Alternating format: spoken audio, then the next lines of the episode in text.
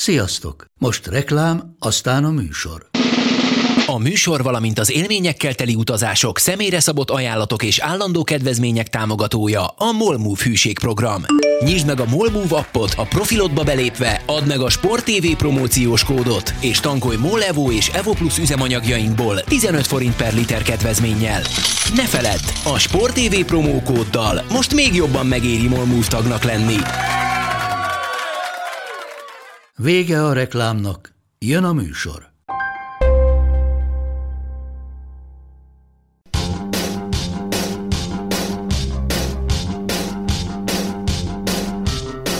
Sziasztok, ez itt a Karanténkasz 82. adása, pontosan 31.046 nappal azután, hogy Berlinben megnyitották az olimpiai játékokat.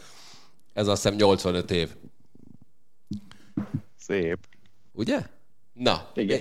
Először üdvözlök mindenkit, aztán utána majd elnézést is kérek, úgyhogy először is szia Attila, hogy vagy? Szia, Galus, köszönöm szépen, teljesen jó. Nagyon rossz nekem, hogy nem látlak. Nekem ez most nagyon jó. Miért olyan rondán nézek ki? Van fáradtam, meg mindegy. Ú, Szerinted te Nagyon. fáradtan is szép vagy. De mindegy, itt van velünk Attila, és itt van velünk Szabó Máté is, akinek valami nagyon furcsa dolog van a háta mögött. Ez egy ilyen podcast kompatibilis beszélgetés lesz, mert én látok valamit a hátad mögött, Máté, mi az? Ez Kb. úgy néz ki, mintha egy műbré lenne. A hálószobában vagyok most bezárodva Egy egy hotelbe, és ez az éjjeli lámpánk, de megmutatom, fölkapcsolom. Mondjuk azt a podcast hallgatók imádni fogják, de Igen. Uh, uh, világító műbré. Tök jó. ennyi. És itt Én van választottam. Haraszti Ádi is, immár Budapestről. Zárt területről, vagy miről? Zárt fal közül. Hát, az is igaz. De az konstans. Abban nincsen semmi meglepetés. Rajtuk kívül itt van még Fülöp Marci is. Hello Marci. Sziasztok! Nagyon bőbeszédű voltál, és hát a fantasztikus sztár vendégünk, aki nagyon várta már, hogy végre megszólalhasson, Bartozoli, hello, hello. Hello! De akkor most kivágod, ahogy énekelt. Nem, de hogy is azt fölvettem, a- az lesz a cold ugye? Jó. Hát igazából az elején megalapoztuk, hogy a hallgatottság az, az rendben legyen. Melyikre gondolsz? Hát az énekre. Ja, Ezt tudod, fölvetted, Galus? igen. Egy klasszikus tudok erre idézni, ha be vagy baszva, ne énekeljél, bazd meg. Défülüláj! No, először is szeretnék elnézést kérni mindenkitől Zoli énekhangja miatt, másodszor pedig azért, mert a múlt heti adás, hát tényleg kicsit furára sikerült a mindenféle udvari, udvardi, udvari? Balaton udvari, Udvari. udvari, strandhangok nekem kéne inkább elnézést kérnem, úgyhogy Nem, nekem egyébként, mert másnap eszembe jutott egyébként, hogy hogy lehetett volna megoldani azt, hogy ez ne legyen. és pedig Hát a Nem külön, vagy benne. Külön, igen, azt lett volna az egyik megoldás, a másik, hogy egy másik sávon rögzítelek külön, tehát mondjuk telefonon hívunk fel, és akkor utána szépen kivagdoshattam volna azokat a részeket, amikor nem beszélsz, és akkor nincs benne a strand hang, de legközelebb már erre is fel leszek készülve. Viszont tök sok kommentet generált. Igen, nagyon szeretek rossz, kommentet kapni egyéb. reklám címszóra. Nagyon szeretek kommentet kapni a műsorok után, nem az ilyen típusúakat, de egyébként mindenkinek teljesen igaza volt, tényleg elbasztuk. De legközelebb majd, ahogy Paksi Endre mondta annak idején, legközelebb majd jobb lesz, és bepótoljuk, ígérjük. Rögtön bepótoljuk egyébként csütörtökön, mert Lázár Tibi vendégünk lesz a Trash Talkban, és majd elmondja ugyanezt érthető körülmények között, amit akkor elmondott. Viszont nagyon-nagyon szeretném külön megköszönni az egyébként nagyon nagy számú hallgatóink 55%-ának, akik végig szenvedték azt a másfél órát. Miközben emberek azt kívánták, hogy adjél nekem, légy szíves, valami lángost, vagy valami ilyesmi. Képzeld, nem lehet lángos kapni az udvari strandon, ezen teljesen ki voltam akadva. Én holnap érkezem, holnap már lesz. Udvarira? Hát legrosszabb esetben csinálok én. De udvariba mész? Hát fővenyesre az ott van mellette. Na jó, de hát az nem ugyanaz. Gyalog 12 perc. Én nem próbáltam. Lehet, hogy 20. Dehogy is. Nem, nem sok. Ha akkorákat lépek, mint a Zoli lába, most, hogy így elnézem, Bringa úton háztól házig a, a főtér az két kilométer. akkor 20 perc. Oda-vissza, oda-vissza. Akkor 20 perc, de közben zenét hallgatok, meg nézelődök. Na, egy héttel ezelőtt egy aranyunk volt, most már kettő van. Ilyen, ilyen. Éljen, éljen. Dupla. Ki hogy élte meg Milák Kristóf aranyérmét? Elképesztő jó arc ez a csávó szerintem. Igen, igen, igen, ezt nyugodtan kijelenthetjük. Én pont ezt akartam mondani, hogy egy picit lelkesebb voltam, mint ő, miután megnyerte. Ő szerény volt, ellentétben veled. Szerény volt. Nem? Szerény és Szerintem a Kristóf minden csak nem szerény. Hajaj, na, fejtsd ki. Na, Szerintem a, a legjobban fölépített karakterek egyike tudatosan látszik. Ő szerintem nem szerény, hanem, hanem pont ez a visszafogott ünneplés ezzel helyezi magát mindenki fölé, a teljesítménye mellett persze, ami eleve mindenki fölé helyezi, de szerintem ez egy, ez egy tudatos dolog, én azt gondolom, hogy ő így, Jutottuk arra a pontra, hogy lepózerezted? de egy fantasztikus sportember, és egy pózer szerintem, de ez, ez semmi gond nincsen, rengeteg pózer van. Igen, szerintem az, és miért ne lenne egyébként pózer 21-két évesen? Veri a világot egy számban, úgyhogy a legyen is az, de szerintem ez, ez abszolút tudatos. Én azt gondolom. Én azt, ére, én azt éreztem rajta egyébként, hogy mivel talán az, az egész úszásban az összes számot tekintve ő volt a, a legnagyobb esélyes, most nem csak magyarok, hanem mindenkit egybevéve, és ezt pontosan tudta, és nem is kellett hozzá tökéletesen úsznia, nem is úszott tökéletesen, ahogyan azt elmondta ő is, meg elmondta Sós Csaba is, meg ott volt a Gatya Mizéria a Last Corumban. Én azt éreztem rajta, hogy mintha nem, nem tudna mit kezdeni azzal, hogy ő olimpiai bajnok lett, vagy mintha természetes lenne az, mint ahogyan a teljesítmény alapján egyébként természetes is volt az, hogy megnyerte az olimpiát, de neki lesznek még olyan győzelmei, azt hiszem, amiért sokkal jobban meg kell szenvedni, sokkal jobban, sokkal édesebb lesz majd a győzelem íze, de az, amit úszott meg, az, amit ő tud 200 pillangon, az, az a messze-messze a világ fölött van, még a gyengébb napjain is. És arról se feledkezzünk meg, hogy ezek reggeli úszások a, a döntők. Szerintem egy dologgal van nagyon-nagyon tisztában, hogy hol van a helye a világban. Tudta, hogy 200 pillangon mennyivel van a világ előtt, hogy ezt az aranyat nem lehet elvenni tőle, és kész. És nézd meg, hogy 100 pillangó után mi volt, majdnem kibújt a bőréből, mert élete úszását produkálta, és, és ott ugye küzdeni kellett, és szerintem baromira örült, hogy a dresszelmentes világot megverte, nem is kicsit. Hát meg majdnem a az is. igazi Dresszelest is. sportemberek nagysága az, hogyha tényleg ekkora teher van valakin, akkor, akkor így tud teljesíteni, úgyhogy ő, ő igazából, ha ezt nézzük így, így ebből a szempontból tényleg bármi lehet, és bármennyire örülhet, és bárhogy viselkedhet egy ilyen győzelem után. Egyébként pont azok a megnyilvánulások duzzadnak szerintem az önbizalomtól, amikor például azt mondja, hogy ez nem volt olimpiai csúcs, nem baj, majd megúszom holnap a döntőn. Tehát, hogy az, azért szerintem ő, ő, ő abszolút tisztában van azzal, hogy ő hol van, mit tud, és ez egyébként inkább jó, mint rossz. Hát, és- és bőven-bőven benne van a világcsúcs is. Tehát a Gatya Mizéria nem lett volna sima világcsúcs. Biztos, és meg is fogja úszni előbb-utóbb.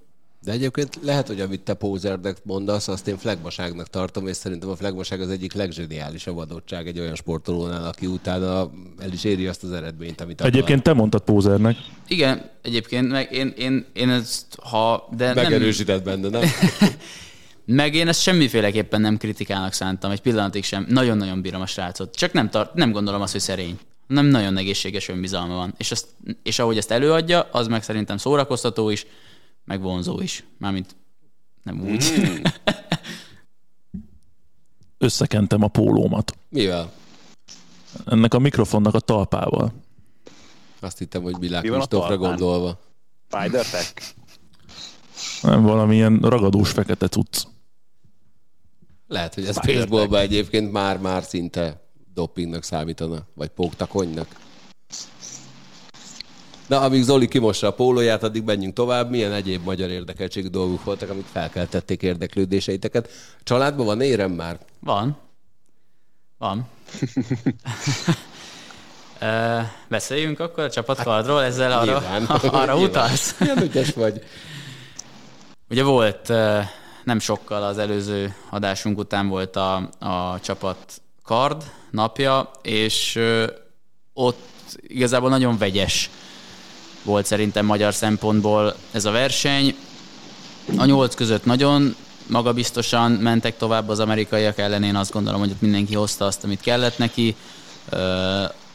Áron jól vívott, Szatmár is jól vívott, a Decsi is jól vívott, ott mindenki jól vívott, és akkor ugye jöttek az olaszok a négy között, és én azt gondolom, hogy ott ott is sokáig minden rendben volt, ott sajnos, ott sajnos volt az, az Andrisnak volt egy lefagyása, és, és ott ugye úgy végződött, ahogy végződött, és azt gondolom, hogy annak a napnak, ami a fő pozitívuma volt, az az, hogy ennyire rövid idő alatt ennyi, így föl tudott állni a padlóról, mind a Szatmári Andris is, és talán leginkább ő, de az egész csapat. Ugye kiestek a négy között, ez nyilván csalódást keltő volt, de úgy mentek a bronzéremért, hogy, hogy, hogy egy gyakorlatilag Ma, azt mondom, hogy pillanatig sem volt kérdés senkiben. A leges legvégén, amikor a Szilágyáron egy picit ott nem is tudom, hogy mi történt.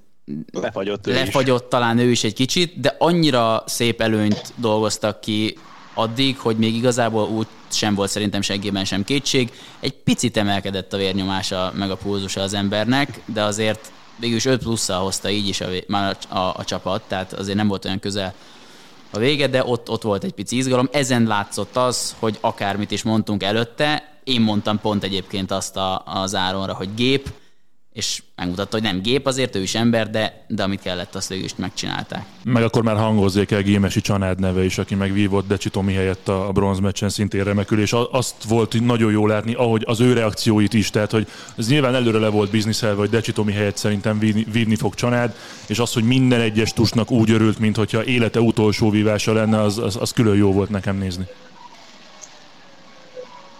Igen, azért neki, neki is, meg Decsi Tominak is azért következő olimpia már, már necces. Tehát Decsi Tomi ugye négyessel kezdődő életkorban lesz akkor már, de Csanád is azt hiszem 35 vagy 6. Tehát az, az oké, okay, hogy ott van Aldo Montano példája, de, de szerintem mind a kettőjüknek ott van az az érem, ami, ami azt mondta, hogy ha itt hagyom abba, akkor nincs baj. Hát Attila, sőt. Attila, nem mondtál hülyeséget, nem azért jön a mentő. De azért teszem hozzá, hogy miközben azt mondod, hogy négyessel kezdődik rajtam kívül, te tudod a legjobban, hogy akkor kezdődik az igazi élet. Hát csak nem biztos, hogy a, a, profi versenysportban. Jó, hát az mindegy. Maradjunk a páston, vagy menjünk át csapatsportokra?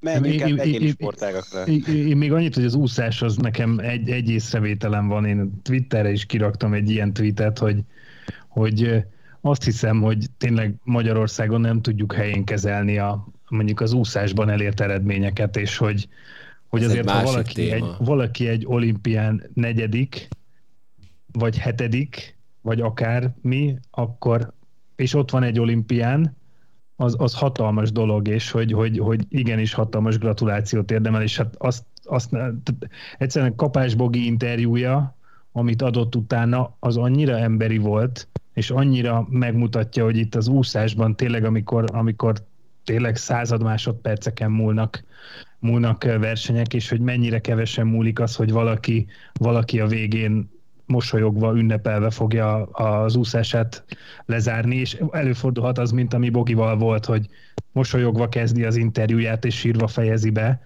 mert mert hogy egy olimpiai negyedik helyet ért el, de hogy én azt szeretném mondani, hogy Kapás Bogi, nem tudom, hallgatod ezt a podcastet, de igenis legyél magadra nagyon büszke, mert ez a negyedik hely, ez, ez valami elképesztően nagy eredmény és csodálatos. De akkor mondok egy másik orbitális negyedik helyet, mert az meg pont szerintem másnap volt a női mountainbike a verseny, mint hogy felvettük ugye az előző adást, és az, hogy Vas Blanka, aki egy évvel ezelőtt még nem is tudott volna elindulni az olimpián, tehát ilyen szempontból ő még tök jól jött ki ebből az egészből, aki imádkozott azért, hogy essen az eső a verseny előtt, és a három svájci mögött bejön negyedik helyre, élete első olimpiáján, az valami egészen elképesztő teljesítmény, úgyhogy én nagyon-nagyon örültem annak az eredménynek. És milyen kurva szép De úgyhogy taknyol, és úgyhogy taknyolással indította az egész verseny tulajdonképpen. Hát, a fél elején, elején neki volt, igen, igen, de hát pont a svájciak nem, ha jól emlékszem. Akkor én még mondok egy iszonyat szép ötödik helyet vissza az uszodához, Telegdi Ádám. Szerintem ő az a, vagy ez az a helyezés, ami arányaiban a, a legmagasabban van talán a, a várthoz képest, legalábbis én azt gondolom. Ugye ő Kapás Boginak egyébként a párja, és ez már Bogi úszása után volt, és neki ajánlotta ezt az úszást, meg mindenkinek, aki szereti. Ugye az ő testvér egyébként Tideni a, a rapper, tehát lehet, hogy ez ilyen családi hagyomány. Hát akkor én ajánlanám a nyolcadik C-nek a következő kérdésemet, és mindenkinek, aki szereti. Miért van az? Marcira mutogat egyébként az Oli, mint nyolcadik C. Szerintem, szerintem már legalább kilencedikes. Miért van az, hogy, hogy ha megnézed a nemzetközi csapatokat, leginkább az amerikait, ott az is már státusz, hogyha valakire azt írják, hogy olimpikon. Magyarországon meg, meg van az, hogy az aranyérmeseket borzalmasan istenítik, szeretik, irgalmatlan pénzeket adnak neki, aki második, harmadik, negyedik, ne adj Isten, ötödik, hatodik, hetedik, huszon valahanyadik, azokat megbántjuk. Gyűlölöm a sportba belekeverni a politikát, de a politikában szerintem maximálisan benne van. Tehát nem csak a most, mert mostani rész, vagy nyilván olimpia után jön az a része a dolognak, hogy akik bírálják majd a, az elmúlt időszakban a sportba öntött pénzt, De figyelj, én, a, én nem abban nem, volna, de szerintem nem minden kezdődik az egész. nem, én a, a, a, abban az direkt... átkosba kezdődik, ahol csak a dobogó számított, hogy a keleti blokkban. És ugye az a, annak a generációnak egy része, meg az általuk továbbadott örökség, az még nem, nem múlt ki a szurkolókból. Na de valójában, hogyha most mutogathatunk az átkosra, de jelen pillanatban egy, egy magyar aranyérmes még mindig ötször annyi pénzt kap és életre járadékot, mint egy amerikai aranyérmes. Ez, ez így van. De, de az amerikaiaknál sok esetben az alapére azért valószínűleg magasabb. Nyilván, Nagyon de biztos. ott létezik az a státusz, hogy, hogy te olimpikon vagy. Tehát, hogyha más nem nézünk, akkor a UFC-ben szereplő Ronda Rousey-nak, akinek volt világbajnoki érme, meg eset, meg, meg, meg a Marci borzasztó dolgokat mutogat, amik nem is tudok értelmezni, meg MMA-ban világbajnok volt, neki még mindig az az első számú pozíciója, hogy olimpikon. Mert hogy indult egyszer olimpián, tehát ők úgy veszik, hogy az a legnagyobb teljesítmény, amit valaha elért. Igen, az összes profi boxolónál is megemlítik, hogyha volt kint az olimpián, például. Az is egy Tényleg, fontos kritérium. Tök más téma, de hogy ha már a boxot mondott, hogy volt róla szó, hogy a profik hamarosan indulhatnak a, az olimpián. Ott is vannak. Ah, nem szóltam. Egy élmény volt, köszi, kiléptem, sziasztok. Látnám azt a terhelést egyébként, hogy egy, egy ökölvívó mérkőzés után egy profi mondjuk fél év múlva vállal egy következőt, az olimpián meg van rá két napja. Egyébként a boxnak ez lesz az egyik legnagyobb problémája, hogy a legtöbb küzdősport már megoldotta, hogy egy nap alatt le lehessen zúzni egy-egy súlycsoport történéseit. Az meg, hogy a box elkezdi a szereplését az olimpia első napján, és be fogja fejezni az olimpia utolsó vagy utolsó előtti napján, az azért nyomasztóan hosszú. Hát lehet, hogy nyomasztóan hosszú, de tehát Attila, te vállaltál egy ökölvívó mérkőzést, ami egyelőre hát egy rendkívül férfias fogadás keretein belül elveszítettél, ami miatt majd egy új vállalást szeretnénk kapni, de azért azt látod magad előtt, hogy valaki bevegy a ringbe. Ütik, verik. Hogy Erdélyi Kálmán klasszikus mondatát mondjam, ütik a fejedet, amivel gondolkodol. Majd utána két órával később egy újabb meccset le kell játszanod?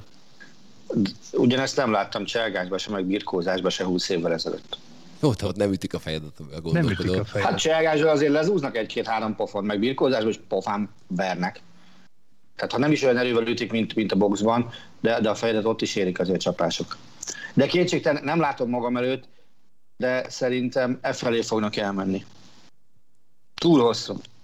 Hát akkor innentől kezdve a olimpiai szám lehet majd a Mortal Kombat.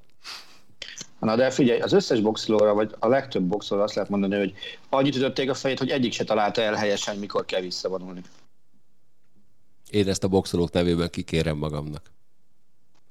Na Attila, viszont ha már itt tartunk, akkor mi a fogadalmad? Mi fog történni akkor, ami után te egy ringbe szállsz Barta Zolival? Figyelj, tehát Vállalhatót kérünk, jó? Nem olyat, amelyiket 0,01-jel ad a Tripmix. Ugye, ugye mondtam az elején ilyen mindenféle aranyérmeket.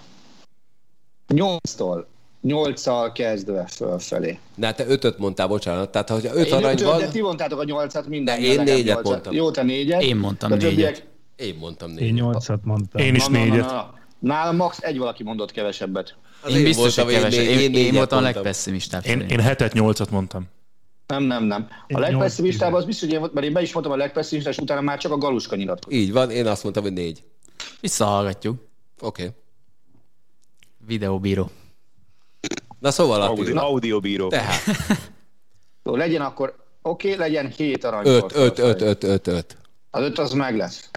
Hát Attila, az a lényeg, figyelj, Figyelj, egy, Várjál, az öt az biztosan meg lesz, így de egy olyan vállalást kéne tenned egyébként, okay. ami valószínűleg hat. megvalósul. Megvalósul.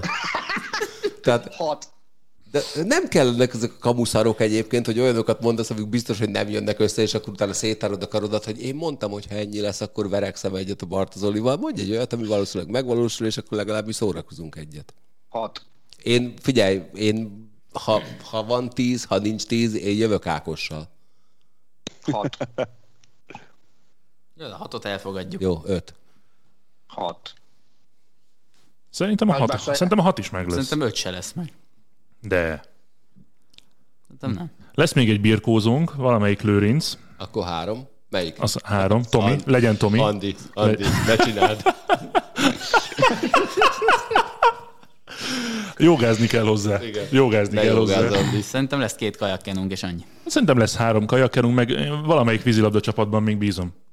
Én nagyon-nagyon nem lepődnék meg, hogyha holnap három jön az arany szám. Két, kettőből az egyik meg kéne, hogy legyen holnap. Holnap van lőrinc, nem? Ezért jó, hogy Az mondtátok a holnapot. Holnap. Ezt most gyorsan akkor elmondjuk, ezt szokás, a szokásoktól eltérően nem hétfőn vesszük fel ezt a podcastet, hanem vasárnap este, hogy nekem ne kelljen a strandról bejelentkeznem majd hétfőn. Úgyhogy amit ti Hol- most holnapnak hallottok, az valószínűleg ma van.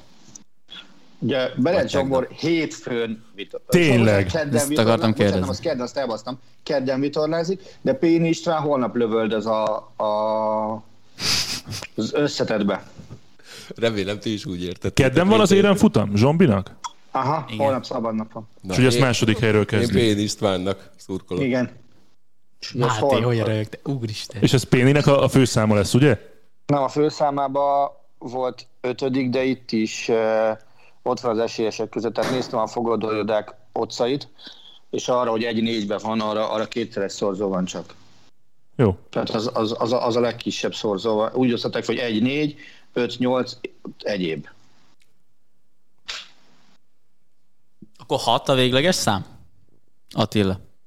Én hatot azt tartom, aha. És hány menet? És a piros vagy a kék sarkot választod? Nem tök mindegy, az majd melyikbe kell meghalni.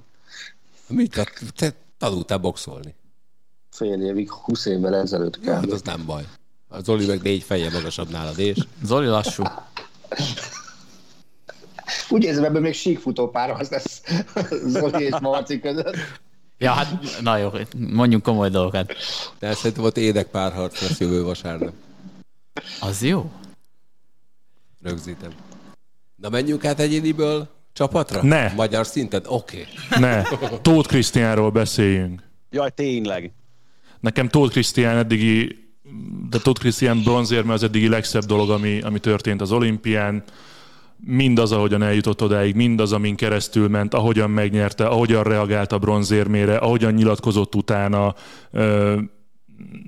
Én hozzáteszem, borzasztóan örülök Újvári Máté közvetítésének is, mert nekem nagyon jó barátom, tehát nekem az úgy az egész egy, egy ilyen baromi komplex dolog volt, csupa-csupa jó érzéssel.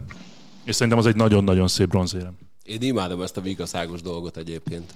Én ezt konkrétan annyira nem szeretem, de most örültem neki. Nem, én, én nagyon szeretem, mert, mert ott, ott mutatkozik meg azt, hogy, hogy valahol az elején vereséget szenvedsz, és ahelyett, hogy, hogy visszaesnél, magadba fordulnál, még egyszer fel kell állnod, és meg kell mutatnod, hogy vegyez neked. Már hogyha olyantól kapsz ki, ugye azért ez egy fontos, mert ré- régen még úgy volt a vigaszság, hogy mindenki oda jutott, ezt, ezt eltörölték egy ide. Ez sok sport, például ez tök tök nagy szerencse lenne, ha mondjuk vívásban is lenne ilyen, vagy, vagy, vagy akár szerintem sokaknak kedvezne. De egy, egy rossz asszó után hazamegy valaki, vagy adott esetben, és így adott esetben még lenne esélye javítani azon, amit egyszer elrontott. Nekem az olimpiában pont ez a szép, hogy ott nem, nem, van egy napod, amikor nem hibázhatsz, és csak azt tudja megnyerni, aki, aki nem ront például az evezésben, tökön szúrom magam az F döntőtől, hogy a, aki kiesik az előfutamban, utána is megy egy negyed döntős vigaszági futamot, nyilván ilyen nincsen, most már túlzok, de hogy F döntőt is rendeznek, ahogy vagy ketten eveznek, éppen hogy csak kettő egyeneset tudnak húzni, hogy melyik lesz a 31 meg a 32 nekem ez például már baromi sok. Ez így van. És ugye vigaszság van az első kör utántól az evezésben például. Ott folyamatosan vigaszág van. Ugye a reményfutamok azok orba, szájba. Ah, borzasztó. Láttátok egyébként Tóth Krisztián hazatéréséről a videót, amikor a reptéren kijött a, uh-huh. a loungeból? Én, én nekem ott, vagy én nekem nagyon tetszett az egész, de az volt így a, a beteljesedése ennek az egész élménynek. Tehát az, hogy a, a családja, hogy üdvözölte, annyira jó volt látni a kislányát, fiát, basszus, nem tudom pontosan, bocsánat, hogy lánya vagy fia volt, de kisgyerekét, Fia. fiát. Nagyon, nagyon, nagyon. Az egy annyira emberi történet volt az egész, az elejétől a végéig, úgyhogy ez, az, az nagyon szép volt szerintem. Is. Figyelj, szerintem adásban, amikor ment az élő interjú vele, az annyiból volt jobb, hogy ott ugye folyamatosan láttad azt, hogy mi hogy esik le neki. Én legalábbis onnantól, hogy az Zoli küldött rám egy sms hogy nézed, mert éppen más néztem, és akkor gyorsan átkapcsoltam. Mit néztél? De- Valami kosármeccset talán, vagy két meccset. Szóval Milyen? az té- tényleg ilyen maximálisan emberi volt, és azt, hogy tudod, leesik neki, hogy úristen, megvan, ezért jöttem. Meg a másik, ami nagyon szimpatikus volt, ahogy nyilatkozott a, a német elleni veressége után. Tehát, hogy teljes mértékben tisztában volt azzal, hogy ezt egyetlen egy ember rontotta el, ehhez nem kellett semmi más segítség, ő nem figyelt egyedül, nem keresett semmi hibát, mondta, hogy oké, okay, szedem össze magam, irány a bronz. Az a rossz 5 másodperce volt az egész olimpián. Igen. Az megvan, hogy Tóth Krisztián egyébként kipróbálta magát már rögvisként is. Aha. Szerintem képet is töltött fel, vagy valahol, valahol láttam egy rögbis képet róla. 7-es vagy 15-ös? Ö, 15-ös lesz az szerintem, mert azon az ember nem tudja, hetes, már láttam most meccseket az olimpián, de nem tudom, hogy ott az elnevezések ugyanúgy vannak-e, mert ugye van tolongás is végül is benne, de csak 3-3 ellen.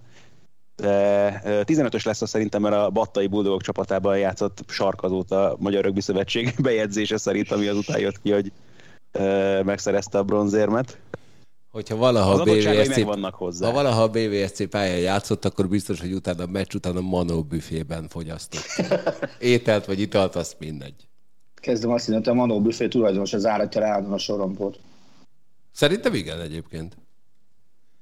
Ha valaki nem tudná, akkor Rákos rendezői pályaudvaron, ahol teljesen értelmetlenül néha 16-18 percre lezárják a sorompot, ott található a Manó büfé, ami szintén egy fa és fém hulladékból összetákolt bódé, kiváló italokkal. Kávé, És már reggel kávé, limon, milyen hat, hatkor már. Hát ott Reggel hét. Ja, hatot azt nem tudom, nem, nem, hát, arra hát hétkor, amikor a. MÁV dolgozók megérkeznek oda, akkor ott már teltház van, tehát az inkább öt egyébként, mint hat. És Hogy tábla van a felállítva. azt udvaron. elmondja valaki. Ajánlom mindenkinek. Aki szereti. Igen, egyszer egy barátom vagyok, ott a születésnapi buliát oda szervezte, azt egy kicsit erősnek éreztem, de Keresztel, keresztelőket lehetne ott tartani. egyébként igen. Ádi, Ádinak pedig az a válasz, úgy, hogy a BVSC pályát hozta szóba Galuska, és onnan sikerült eljutni idáig. De egy smart casual szedbe lehetett csak menni. Jelentsen ez bármit. Igen, egyébként tehát úgy menj oda, hogy valószínűleg kozos leszel, amikor eljössz. Na, bántottuk ezeket a szegény női kézilabdázókat, aztán most éppen legyőzték Spanyolországot. Mi lehet ennek a sorozatnak a vége, Zoli? Nagyon szépen nézel rám. Mm, jó, jó az, hogy legyőztük a spanyolokat, meg jó az, hogy jól játszottunk. Én annyira még nem, nem nyugodtam meg, tehát, hogy tényleg, tényleg nagyon jó volt, jó kapus teljesítménnyel, kevés kapott góllal végre, kreatív támadójátékkal, bár azzal eddig sem volt olyan óriási probléma. Öm, hát ugye még három dolognak kell teljesülni, hogy tovább jussunk, és ez egyik sem lehetetlen, hiszen a svédeket meg kell vernünk, akik számára ez már tét nélküli lesz, a francia-brazil nem lehet X, illetve hogy vagyunk az oroszoknak le kell győzni a Spanyolországot, és aztán ezzel van meg a, a továbbjutás, ami tök jó lenne. Mm, borzasztóan nehéz úgy nyilatkozni erről az egész, hogy e- ezek a mérkőzések még előttünk vannak, mert alapvetően azt hiszem, hogy ez a, ez a három meccs fogja meghatározni a magyar csapatnak a tényleges szereplését. A, a játékát azt láttuk, három rossz meccs, három nagyon rossz meccs, jó, egy rossz meccs, két nagyon rossz meccs, egy jó meccs, és akkor van még egy, ami igazából eldönti azt, hogy akkor ezzel most, ezzel most mi van ezzel a csapattal ezen az olimpián. Nem tudom megtippelni egyébként, hogy mi lesz. Ugye a svédek félig meddig már bejelentették, hogy, hogy a legjobbak azok pihenni fognak. Tehát lehet, hogy nem mindenki fog bennünket hentelni középen, ami nem baj. De azért Láger ellen én nem mennék oda egy pofonira, az biztos. Hát igen, csak eddig ö, sem feltétlenül, bocsánat, csak az ellenfelekkel volt probléma, hanem sokkal inkább a magyaroknak saját magukkal szerintem. Igen. Ez így van. E, Másrészt ugye az időrend alapján, ugye mire mi pályára lépünk, addigra mind a két kérdéses meccs le fog menni. Tehát ugye a francia, francia-brazil is hamarabb lesz, meg a spanyol-ruszki is hamarabb lesz. E, Minden tudni fogunk addigra, hogy mi, mi az, amit csinálni kell. És szerintem, ha nyerünk, és akkor játszunk egy jót a norvégokkal a nyolc között, annál rosszabb dolgunk meg ne legyen. Én egy kicsit félek attól egyébként, hogy egyszer a követség be fog minket rendelni, mert a folyamatosan ruszkizol. Rá, rá, ráadásul ők nem is a ruszkik, hanem az orosz szövetség. Látod, nem azt mondta, de Orosz csapat. Így van, sem- Így van. Csapat. Hát egyszer sem mondtam azt, hogy oroszország, csak ruszkiztam.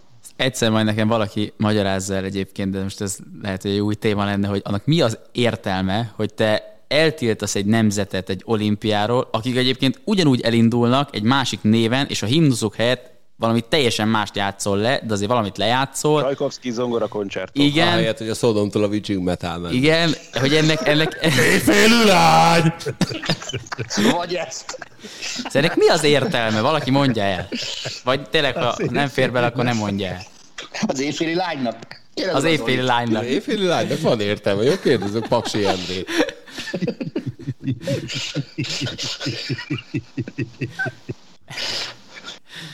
Ez most kár, hogy, kár, kár, hogy nem televíziós adás. Egyébként igen. Szerintem Máté kiesett a képből. Attila közben lehet, hogy válaszolt a kérdést, de nem hallotta senki, mert a Máté nagyon nevet. Úgyhogy majd még egyszer Attila. Pedig már háromszor jutottam magam, de nem bírom. Szerintem azt, hogy a sportolókat egyesével nem akarják büntetni, de az országot igen. És ezért engedik egyáltalán őket ilyen zászló vagy felségedés alatt indulni.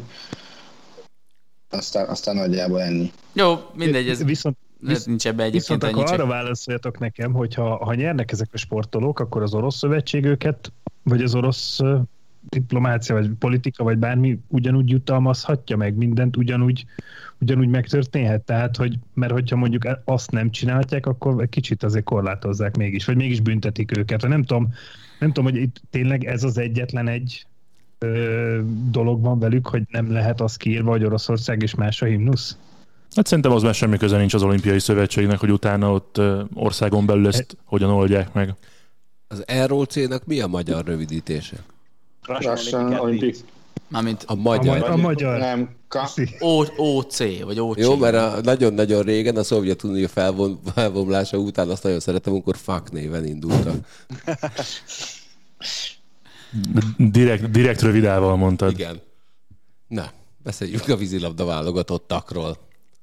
A férfiak nagyon szépen mennek, a nők meg olyan dolgot csináltak, amit hát irgalmatlan régóta senki legyőzték az amerikai válogatottat. Meg kikaptak Kínától. Jó, az mindegy. Én csak a Mégis azon pozitív ment a- dolgokra azon, fog. azon, azon zsíván elment a négy jutás például. Egyébként ez rohadt szenzációs dolog, hogy elkezdődött az olimpia, és az első meccs után a fiúkat mindenki szét akarta szedni a görögök elleni meccs után, és, és most meg már azt mondjuk, hogy tök jól mennek. De nem szed, miért szednél szét az embert, ha emlékezz vissza a kemény Dénes érára. Lehet, hogy az első olimpiai bajnoki címüket úgy nyerték, hogy, hogy talán két zakesz után elmentek inni az Ausztrál éjszakába, és aztán utána szarrá verték a világot.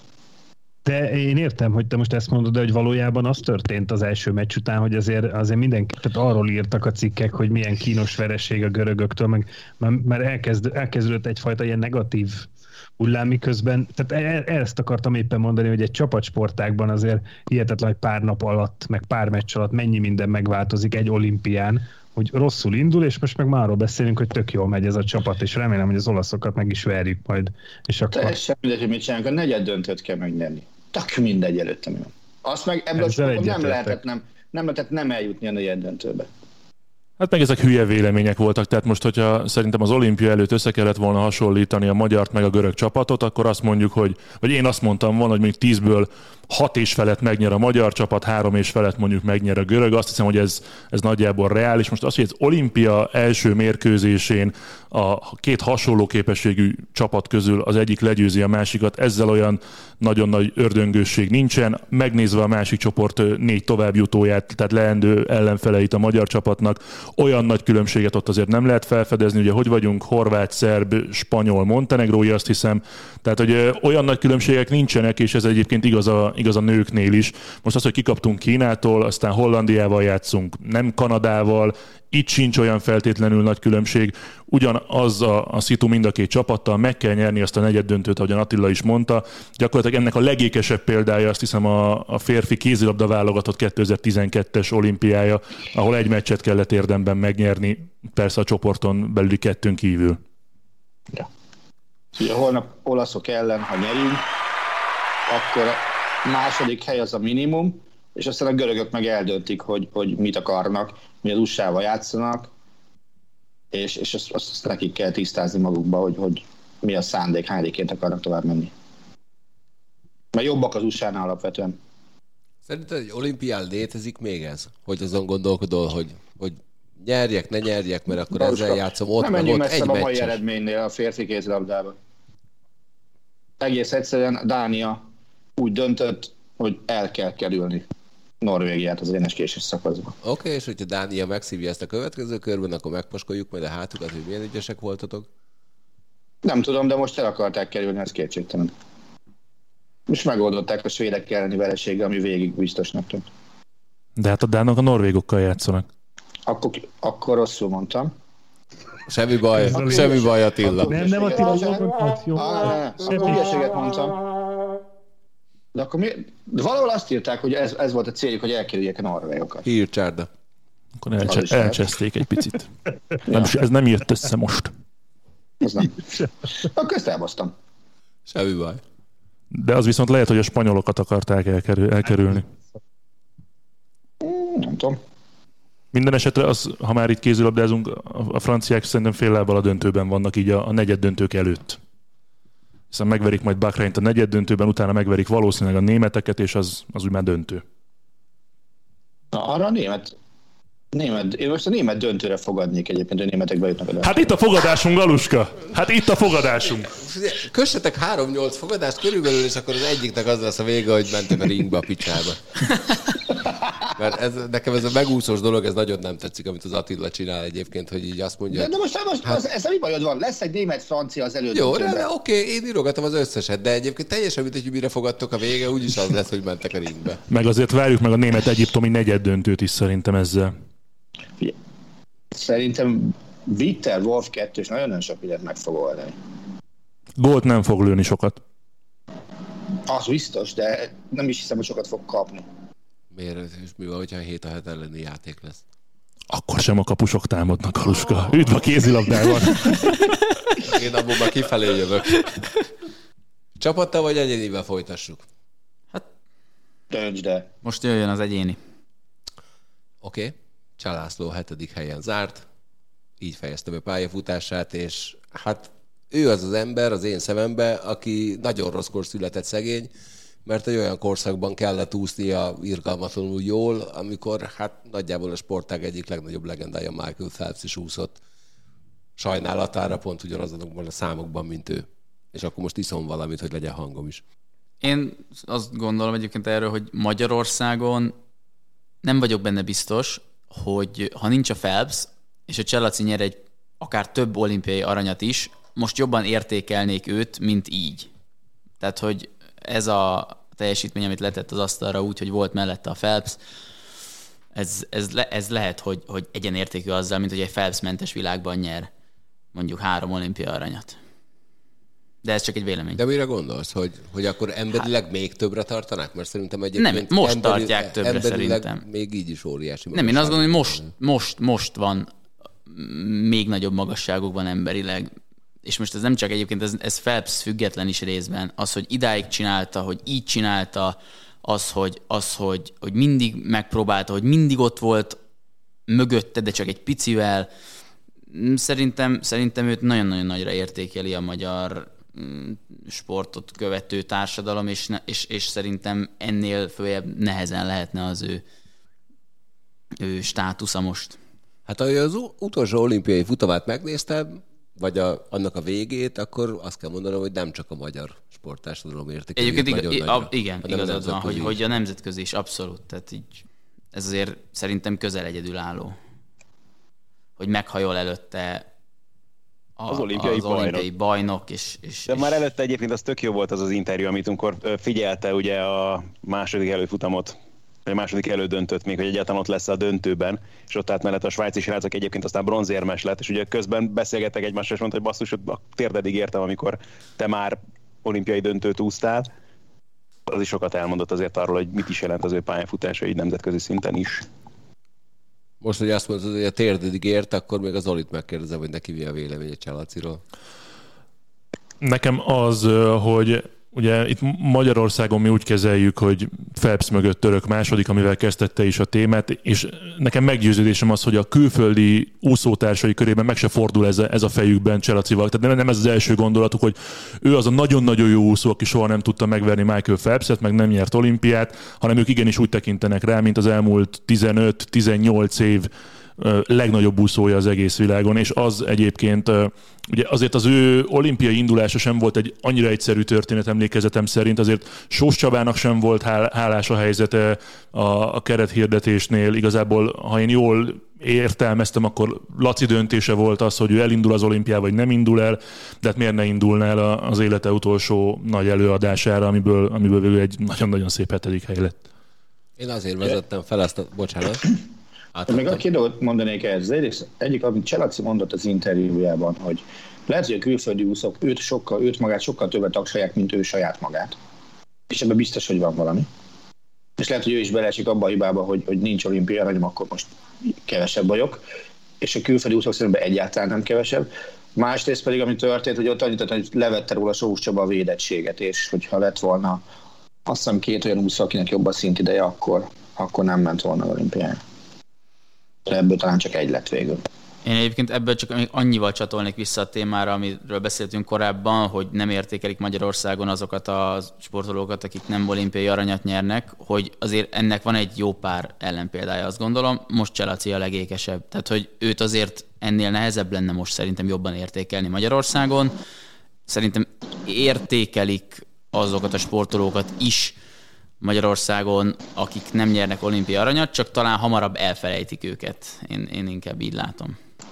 Figyelj, egyébként, ha csak annyit mondasz, most oké, okay, aranyérme nincsen olimpiáról, de hogy van hat olimpiai érme, és abból, abból négy ezüst. Tehát én, én, én egy picit én is, én is azt gondolom, hogy, hogy ilyen nagyon, nagyon aranyérem fókuszú tényleg itt ez, a, ez az elismerés, de, de hogy ezek az ezüstérmek, amiket, ők, ami ő, amiket ő nyert, ráadásul négy olimpián nyerte ezeket. Itt, hogyha hogy mindent, hogy összevetve nézed a Cselaci pályafutását, plusz még ehhez hozzáteszed azt, hogy milyen személyiség, tehát, hogy mind a mellett, hogy ilyen sportpályafutása volt, ő egy egyetemet elvégzett, hogy hogy, hogy készül, készült folyamat, tehát a civil életére is, is felkészült, és a, a, amennyire szimpatikus és kedves, és tényleg példaértékű a, az élete, meg, meg ahogy ő él. Tehát, hogy nem tudsz róla rosszat mondani, és hogy oké, okay, most olimpiai aranyérme nincs, na, paf. És akkor, akkor mi van, mert olyan eredményeket tett le a, az elmúlt mennyi, 10, 10, 19, 18-19 évben, ami, ami döbbenetes és e- egyébként az önmagában az, hogyha úszóként azt mondod, hogy valaki, mint 2003-ban már van, volt neki egy világbajnoki ezüstérme, és most 2021-ben pedig ott volt az olimpián úszásportban, azért ez döbbenetes. Megnéztem, amit eszembe ezzel az egész kapcsolatban egyébként, hogy már arról beszéltünk, hogy miért nem értékelik annyira mondjuk akár a helyezéseket, vagy néha akár magukat az érmeket sem az aranyon kívül nálunk, hogy azért azt elmondhatjuk, hogy van egy csomó olyan sportág, hogy volt az a belga szám, hogy vízilabda, kajakenőtös a vívás, tehát hogy, hogy vannak azok a sportágok, amiben mi nagyon-nagyon eredményesek vagyunk, ami az olimpiai aranyainknak mondjuk, a, vagy az eredményeinknek a javát szerezte, és amikkel egyébként mondjuk négy évente foglalkoznak a legtöbben csak például. Tehát nagyon sok olyan sportoló van, aki mondjuk az olimp, vagy akiről, mondjuk az olimpián kívül nagyon keveset hallunk úgy egyébként a hétköznapokban. Yes. Tehát aki 20 perc, tehát ez a 15 perc hírnéve, vagy a film címe is mutatta talán. Te azt végigbírtad nézni? Ebben a... Mi? Te azt végigbírtad nézni ezt a filmet? Nem. Akkor jó. Az, az a De Niro, Eddie Murphy? Ú, te jó ég. Az Eddie Már Murphy nem tudom, hogy benne volt, de a De Niro benne volt, meg aztán dobókat a 43 másodpercre megkapta a 43 másodperc hmm. hírnevet. Most közben megnéztem azt, hogy az a döbbenetes, hogy Cselaci világverseny az első érmét, az a Máté még alul is lőtte azt a tizenpár évet. 2002-ben szerezte az első érmét világverseny. Rövid pályás Attila, 19 évet mondtam. Én 14-et értettem, bocs. Nem. Nem, én mondtam ilyen 15-18-at, Máté 18-19-et. Igen, egy évvel a 15-18-hoz képest, igen. Elbasztad. Attila, Dánia, Norvégia, Dánia, Norvégia. Azt elbasztam én. Szóval 19 éve Rieszában nyert 400 vegyesen bronzot, és basszus azóta iszonyatos, amit, amit, amit csinál. Tehát ilyen éremgyűjtemény, ez nagyon-nagyon ritka, ami az övé. És én baromira így ez miatt. Tehát az, hogy 2017-ig talán mind, minden évben nyert valahol érmet. Én ezt a Phelps-es témát azért hoztam csak fel, hogy utána rá tudjak kérdezni arra, hogy ki volt nektek az a sportoló, aki mindig valakinek az idézőjelbe téve árnyékában mindig csak második tudott lenni. Zoli nagyon készült. Neked ki volt? Én, so- én sokat gondolkoztam ezen, és nekem azért a, az erősebb boltérában ilyen volt Justin Gatlin egyrészt. Sok, sokáig ilyen volt Andy Murray, de ő azért nem egy ö, teniszező árnyékában volt, hanem mondjuk hároméban, és ö, nálam ugyanez a kategória Rubens Barrichello és Felipe Massa, igazából Michael Schumacher mögött a Ferrari-nál, akik ha a képességük is akár jobb lett volna, mint Schumacheri, akkor sem kerülhettek volna előrébb a, a Forma egy konstruktőri sajátosságai miatt. Tehát, hogy ugye Getlin ugyan megnyerte a, a magáit, amikor éppen nem volt bolt a, a futásban, de amikor volt bolt, akár százon, akár kétszázon, akkor azért a, az esetek jelentős részében bolt nyert. Murray valahogy sokáig egyáltalán nem tudott oda kerülni a, a nagyok elé vagy mellé sem, és hát Massa meg Barrichello, de itt akár a McLarennél lehetne említeni David Coulthardot, Mika Häkkinennél, szóval van, van nagyon sok hasonló, vagy Bottas, Lewis Hamilton, szóval nekem így elsőre... Bottas ma nem emlegesd. Bottasra majd visszatérünk, ne aggódjál. Szóval nekem egy első körben ők jutottak eszembe. Jó, én egyébként Charles Barkley-t, Carmelot és John Stockton-t hoztam, hogy utána a Máté ne tudjon szóhoz jutni. Én basszus, én egy atlétát speciál. Gyulai Miki? Majdnem. Merlen Oti 1980 és 2000 között ott volt az olimpiákon. Most lelőtted a Marciét. Igen. Nagyon készültem erre a névre pedig. És három ezüst, hat bronz volt a mérlege. VB-ket tudott nyerni, összesen hármat, az egyik az váltó volt, de olimpián soha semmit, pedig, pedig legalább kétszer úgy ment hogy első számú esélyesként. Mondja nyert végül? Vagy az már késő jött át? Mit kérdeztél arra, hogy nem értettem? EB-t ő nyert végül, hogy az már későn jött át? Szlovén színegbe? Hát, szerintem már nem. De azt gyorsan Google kereső megmondja. De, de, de ott már 45 körül futott Valami a szlovén színegbe, nem? De nem. Nem nyert. Tovább jutottak egyébként... a szlovénekba? Ha már a szlovénekről beszélünk. A szlovének tovább, eddig is tovább jutottak, tovább, csak csoport elsők szlovén... lettek. Spanyolok előtt. Megdurrantották őket mínusz 10 pár pontról. Spanyol USA. Azt lesz. E- egyébként akkor én is mondok valakit, és nem Carmelon és John Stockton. És nem Charles én Egyébként nekem Szabó Tünde jutott eszembe, aki, aki Egerszegi Krisztina mögött. Ott VB-ken és olimpián is ezüstérmest. Állami igazgatásban még magasra juthatsz. Marci? Mondok én is egyet viszont, akinek én félek, hogy csúnyán eldzsinxeltem a pályafutását, bár nyilván nincsen ez semmi közöm, de... Ne azt mondom, uh, amit én akartam. Hm? Ne azt mondom, amit én hoztam. Meglepődnék, hogyha eszedbe jutna Dani Pedroza. Jaj, de jó. De... Én emlékszem, hogy ő akkor... Föl, föl volt írva a papírjára. Hogy... Mit Föl volt írva a papírjára, láttam. Igen. Szóval óriási hype érkezett meg, meg a Honda Liblingjeként annak idején a MotoGP-be, és emlékszem, hogy én is azt mondtam, amikor az első futamát megnyerte a GP-ben, hogy hú, hát ő még rengeteg versenyt fog nyerni, meg többszörös világbajnok is lesz, és abszolút így is tartották számon, aztán ez nagyon nem jött össze szerencsétlennek. Rengeteg sérülés miatt is, de mondjuk nyilván Valentino Rossinak, meg Casey Stonernek, meg Mark Marqueznek is volt ebben szerepe. De ő az, hogy ott három VB második helyezése, meg négy harmadik van neki a pályafutása során, és hát nagyon nem futotta be azt a pályát, amit végül is azért vártak tőle.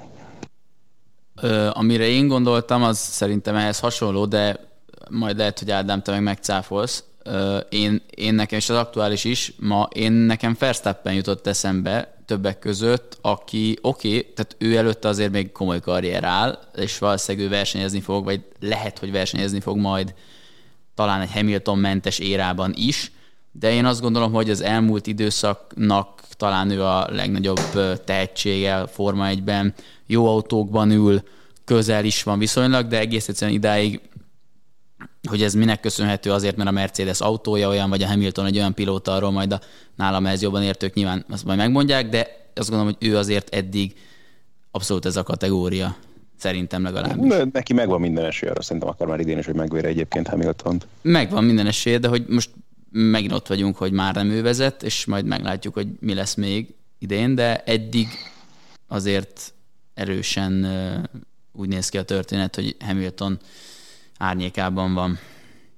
És, aki, és nekem még egy dolog eszembe jutott, illetve az pedig nem egészen így néz ki, de én arra gondoltam, hogy azt képzeljük el, hogyha Messi és Ronaldo közül csak az egyikőjük él ebben az érában, vagy játszik ebben az érában, ami most van, akkor az adott személy milyen sikeres lett volna. Tehát nyilván ők nincsenek egymás Így milyen sikertelenek. Nem, nyilván nem, de hogy ők azért ugye egymás mellett nagyon szépen bezsebelték az összes egyéni díjat, amit lehetett az elmúlt 15 évben, de, de hogyha azt elképzeljük, hogy mondjuk nincs Ronaldo és csak Messi van, akkor, akkor hol lenne most Messi? Tehát, hogy akkor hogy beszélnénk róla?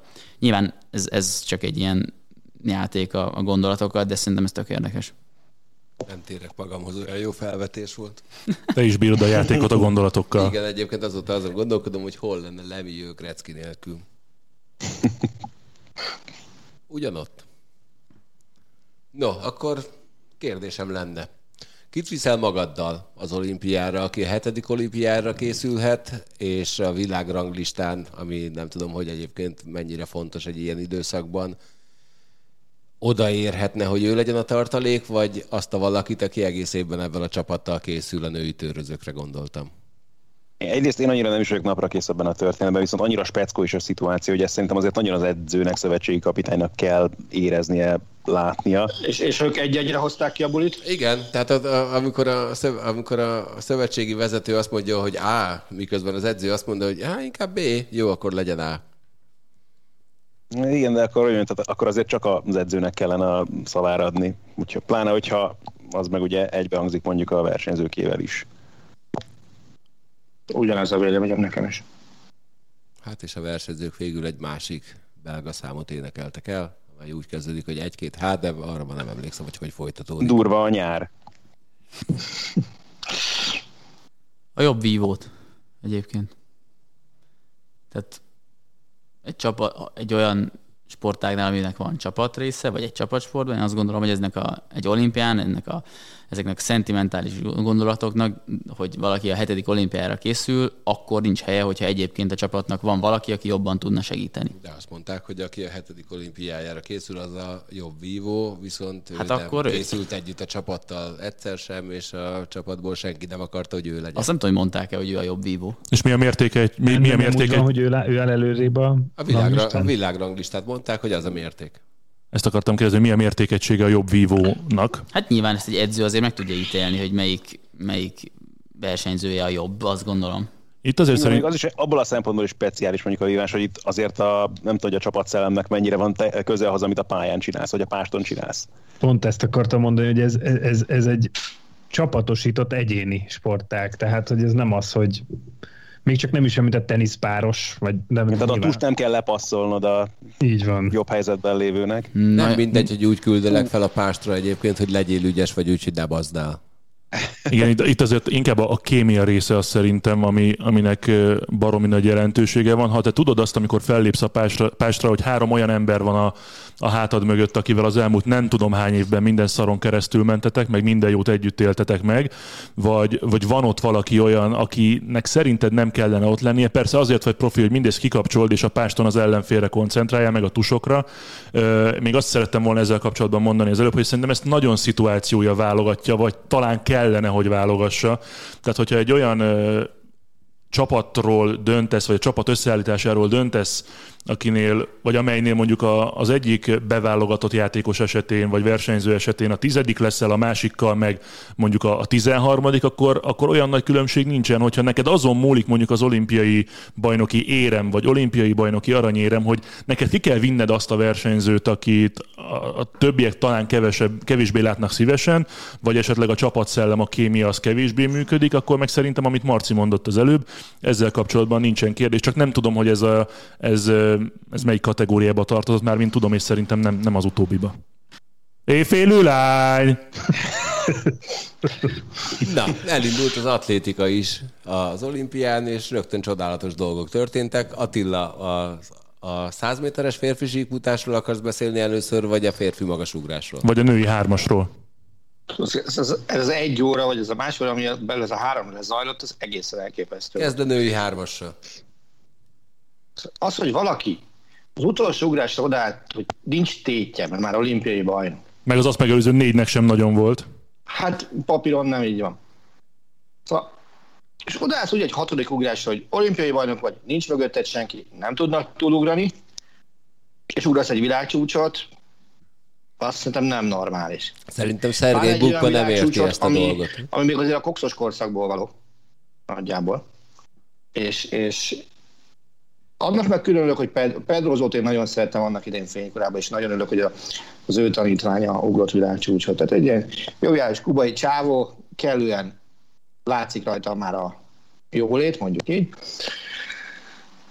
A versenysúlyán a jóval följebb van, úgyhogy még nekünk sincs minden. Megvan a fogadás tárgya. Várj, kit vettél magad ugrani. mellé? Zolit. Kiélezett box csata lesz ez, elindult trash talk, jó van? Zoltán, ez- szólok, ha esetleg, ha, ha igazi boxoló vagy, akkor ha esetleg nem értenéd, most le lettél kövérezve. Ne legyen inkább MMA. erre jön egy magasugrás, ahol, ahol ugye elvileg szétugrani kellett volna az aranyért. És akkor Bársim megkérdezte, hogy nem lehet mégis ebből két arany? De lehet, jó, akkor két arany. És két olyan csávó lett aranyom, és az egyik közülük öt évvel ezelőtt Rióba favoritként érkezett volna, ha nem sérül meg kevéssel az olimpia előtt az egyik szalagja, és nem tudott ugrani. A másik meg ugye nagyon jó úton járt afelé, hogy megdöntse Sotomayornak a világcsúcsát. Erre fel egy magyarországi gyulai memoriálon tavaly előtt talán ö, úgy fordult ki talán a bokája, azt hiszem kifordult a bokája, hogy onnantól kezdve azért nem tudott rendes magasugrást végezni, és ez a két ember többenetes módon fél perc alatt ledílett, hogy két arany szevasztok. De mi lett volna is szerinted? eszembe jutott egy belga szám. Jó, na igen, kezdjük a belgával. Abban van Klinsmann is, meg Möller is, meg... Ó, köpködés van benne? Ne, az nincsen. Vagy csak az van benne? Nem. Akkor rajta. Ja, nem, én nem, nem merek annyit énekelni, mint Zoli egy adásban. Pláne reppelni. Magasra került a léc. Azt hiszem. A magas ugrók pedig nem verték le, hanem azt választották, hogy nem ugranak szét, hanem mind a ketten hazaviszik az aranyérmet. Mondjuk egyébként Attila, És láttad aztán volna... az olasz megvárta a célba Láttad volna- láttad, láttad- a röhögéstől. Csit. Láttad volna magad előtt azt a jelenetet egyébként, hogy azt mondják, hogy már pedig akkor szétugrás, mert én nem akarom, hogy Lajosnak aranyérme legyen, csak nekem. Tehát szerintem ez tök egyértelmű volt, amikor felajánlották nekik, hogy szétugrás, Nem vagy mind a ketten benne. aranyat kaptok. Hát akkor Nem kapunk mind a a ketten aranyat. kérdés eszébe jut mindenkinek. Nekem inkább Oda má... megy Azt nem tudom, hogy ez a szervezői részről, hogy ez hogy van. De egyébként nem máshogy teszi fel a kérdést magába egy sportoló? Nem úgy, hogy akarok-e szétugrani azért, hogy ne az enyém legyen véletlenül az arany? Hát azért mondom, hogy én, én úgy tudom elben, hogy a versenybírók mentek, mentek oda hozzájuk, és mondták azt nekik, hogy döntsetek szétugrás, dönt el kettőtök között, vagy mind a ketten döntetlenbe kiegyeztek, és akkor mind a ketten aranyérmesek vagytok. És erre a egy nyújtotta a kezét. Tehát, hogy erre hülye én, én, én úgy tudom, hogy hogy "Jó, ugrok az a versenybíró azért ment, hogy megbeszél, hogy hány centén kezdenek. Nem, ebben van a hivatalos hírek arról szólnak, vagy a hírek arról szólnak, aztán hát melyik a fake news, melyik nem, azt majd mindenki döntse el maga, hogy a versenybíró felajánlotta a választási lehetőséget, hogy vagy döntetlen, vagy szétugrás dönt az aranyról. Azért nem igaz, mert van egy videó fönt a neten, ahol Bársim kérdezi meg, hogy lehet-e kettő aranyot kiosztani. Hát lehet, hogy erre a kérdésre meglepődve megkérdezte, mi lehet két aranyat kiosztani? Igen, hát akkor legyen ez. Ez olyan, mint a medve halállistája, nem? Hogy le lehet róla iratkozni? Persze. Ja, Akkor honnan szereznek még egy aranyérmet? Biztos van a tartalékba. Nem tudom. A biztos ezek szerint. Vannak ilyenek. Nem olyan, mint a, izé, amikor meteort raktak a téli olimpián a Szocsi aranyérmekbe, meteor darabot. Volt ilyen. Ja, ja. Csájabinszba vitték oda. Traktorral. Új Nyilván. traktorral. Nem, csak hogy ilyen szar KHR-es belső point is belerakjak, hogy a KHR... Az egy csapat. Ha, úgy, de okos vagy. Na, mikor volt utoljára olasz, olasz aranyérmes 100 méter férfi síkfutásban? Ha megnézted, Ér, így érmes könnyű se azért. volt az olimpián. Akkor ezt nevezhetjük valószínűleg az olimpia talán legnagyobb meglepetésének, hanem a legnagyobbnak? Zoli rázza a fejét. Hát szerint, szerintem azért nem, mert uh, ugyan ez többször elhangzott a közvetítés során is, aki ezen az olimpián bejutott ebbe a százas döntőbe, igazából senki nem lógott ki lefelé, senki nem volt toronymagas esélyes, úgyhogy én azt hiszem, hogy e közül a hét ember közül, mert ugye a végén ugye hét lett, hiszen volt egy kizárás, a britet kizárták kiugrás miatt. Önmagában, hogyha azt hallom, hogy egy olasz nyerte meg a 100 méteres síkfutást, akkor igen, egyébként meg így e- ez alapján, amit ma láttam és hallottam, szerintem, szerintem kevésbé. Azért ahhoz hozzátartozik egyébként, hogy Amerikában született. De ez látszik is rajta. Tehát csak félig olasz, félig, vagy harmad részben viszont Marcel, tehát lehet, hogy a Marcus is tehet róla. Na, Én nyilván azért, ha más nem Pietro menne, a csak eszembe jut, hogyha olasz sprinterekről beszélgetünk. Hát ha más nem is. Igen. Ha a sprinter, akkor Alessandro Petacchi, de az egy másik sportág. Meg Kattáni Az felügyelet, megné- többször láttam volna álló rajta a petákit ezen a 100 méteren. Na, a 100 méteres sífutásról most még annyit szeretnék mondani, hogy mindenki menjen fel a magyar Eurosport oldalra, és ott láthat egy bontást, ahol összerakták egyébként irgalmatlan jó technikai trükkel. Jesse Owens 36-os futását, Carl Lewis valamelyik futását, szerintem Ez kilen- 80, Jó, 88. 88-ast, vagy 92-es, de szerintem a 88-ast, és Usain Bolt legutóbbi olimpiai bajnoki De címének Carl futását. Lewis csak 88-ban nyert, nem? Mondom, hogy 88-ast. Az Zoli Ja, akart összezavarni a 92-vel. Ez Linford Christie. Na mindegy, hármuk futását összemontírozták egybe, és irgalmatlan jól sikerült. Nekem a, a, a legérdekesebb az egészben az, hogy nagyjából Usain Bolt a harmadik lépésnél veri mind a kettőt, és Jesse Owens nagyon sokáig tartja a lépést Carl Lewis-zal, miközben folyamatosan oldalra néz. Ott mutatták, merre kell futni. Ja, hát valahogy lehet, hogy félt egyébként, mert az a 36-os olimpián őt nem szerették annyira. Az Owens film az, az ezt egészen reálisan be is mutatja. Képzeld el, milyen jó lett volna, hogy a színészek is játszanak benne. Ja. Egyébként, ha bárki Jesse Owens iránt érdeklődik, menjen el Berlinbe az olimpiai stadion mögötti múzeumba, irgalmatlan jó kiállítást talál róla. Bizony, és ott még végigmehet a Jesse Owens állén is. Büfék is vannak egyébként. Manó? Olyan jó, olyan jó mint a Manó, olyan nincs. Nem, ha már ott vagytok, akkor készítettem Fülöp Pacit a 2015-ös BL döntőre. nagyon szép, és ha már ott vagytok egyébként, akkor menjetek fel a harangtoronyba, mert az onnan elég jó kilátás. kulturális ajánlónkat hallották. Ugye Berlin jó? Alig várom, hogy mehessek megint. Nem ott lesz majd koncerted? De nekem nem. Ott az világnak, jó, világnak nagyon rossz lenne, ha én koncerteznék. Paksi. Endre. De azt a szintet tudnám hozni, szerintem. Nem ott lesz az Ákos koncerted? Marcus. Az olimpiai stadionban. Na, menjünk tovább. Szerintem, hogy a Marci csendben maradjon, ezért folytassuk a baseball deadline-nal. Vagy bármivel. Na jó. Láttam a ilyet, Zoltán? Deadline-t, vagy ilyen deadline, mint Ilyen a tegnapi? deadline. Még deadline sem igazából. De akkor rögtön bekezdtél. Hát figyelj, én tegnap ugye már ben volt, magy- hogy vagyunk, ma van vasárnap, akkor pénteken este, magyar idő szerint este 10-kor járt le a határidő.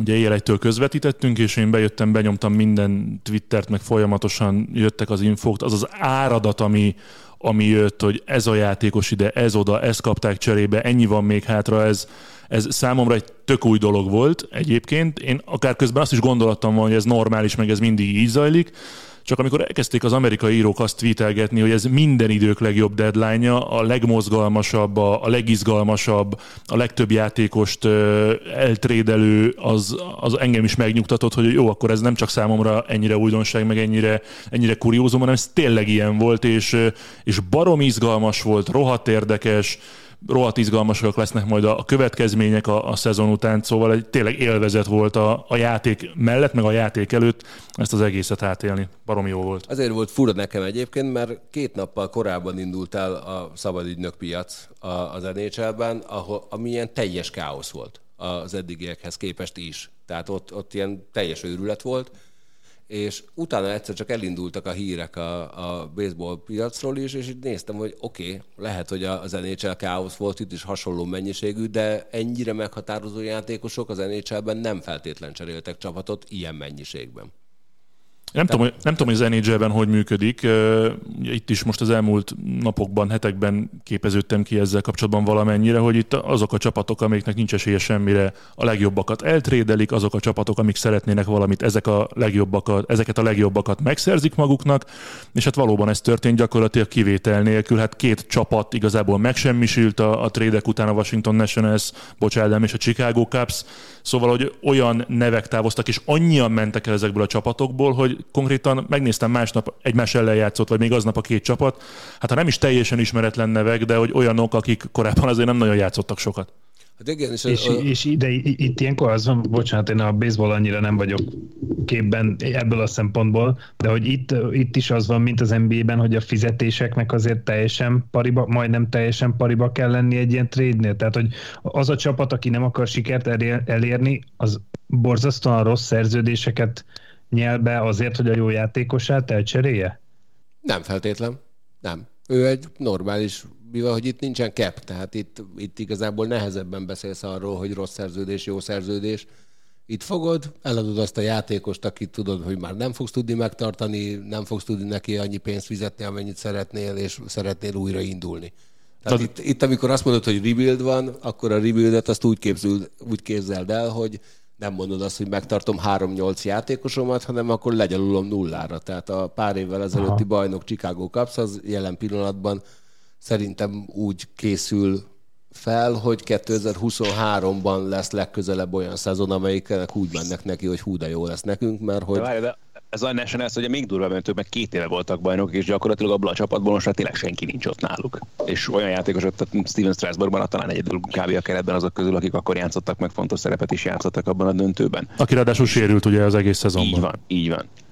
Egyébként annyi Tehát... még, bocsánat, mondja csak. Nem, semmi ennyit akartam tényleg, csak nem. hogy totális reboot van. Nem csak annyi még a Mátéhoz, hogy itt azért a, a játékosok szerződései alapján a fizetések fixek, tehát attól, hogy te eligazolsz, mit tudom én, a Minnesota-ból a Tampához, mint ez történt Nelson Cruzzal, attól a te fizetésed ugyanannyi, csak nem ugyanonnan kapod a, a Na, maradék igen, részét. A csapat szempontjából nem mindegy nyilván. Tehát nem, nem, én így gondoltam, hogy nyilván nekik ilyen szerződéseik vannak, csak ugye azt tudjuk, hogy az NBA-ben ez úgy van, hogy azt hiszem 25 százalék, most a, a, a, tehát 25 százalékon kell belül, belül kell lennie egy cserénél a két csapatnál. A szerződés tömegnek. A, a szerződés tömegnek, igen. És ezért kérdeztem, hogy amit elmondtatok, az alapján úgy értem, hogy itt az történik, hogy jó, akkor Joe átmegy Washingtonból Los Angelesbe, a fizetését innentől fogva Los Ezért Angeles is vannak valószínűleg ezek a nagy rebuildek egyébként, vagy ezek a nagy rebootok, mert egy hatalmas szerződés összegektől szabadulnak meg a csapatok a költségvetéseikben, és ugye prospekteket, fiatal ígéreteket kapnak legtöbbször cserébe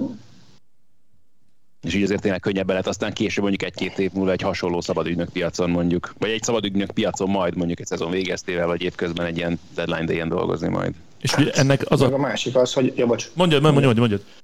Hogy a másik az, hogy viszont a baseball szerintem minden más major sportnál sokkal jobban gondolkozik azokon, akiknek a szezon végén lejár a szerződésük, és megszűnik bármiféle team vagy player control, és abszolút csak rövid távon az idei szezonra mennek rá ilyenkor a trédeknél, aki, aki jó játékost akar szerezni, hogy most nyerünk, és aztán azért feláldozunk elég sok mindent.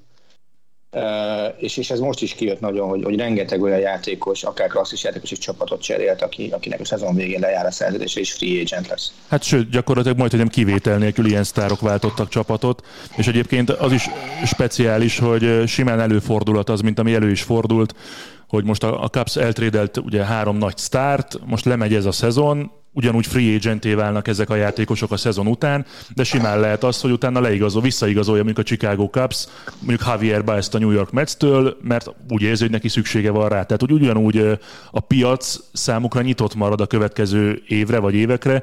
Az más kérdés, hogy, hogy mennyire érné meg most megint, nem tudom, kötni mondjuk egy 8-10 éves szerződést több millió dollárról egy olyan időszakban, amikor kvázi semmire nincs esélyed a, a prospektekkel, csak a prospektekkel. Igen, azért ennek az ismeretéhez meg baromira kéne azt tudni, hogy, hogy ki mögött milyen farmcsapat rendszer áll.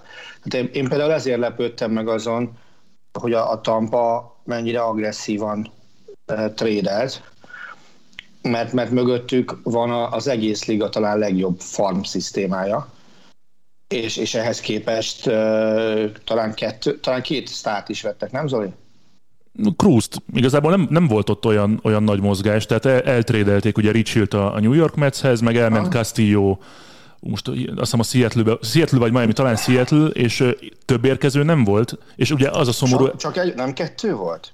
Csak, tehát, hogyha hát a nagy nevek közül szerintem csak Cruz.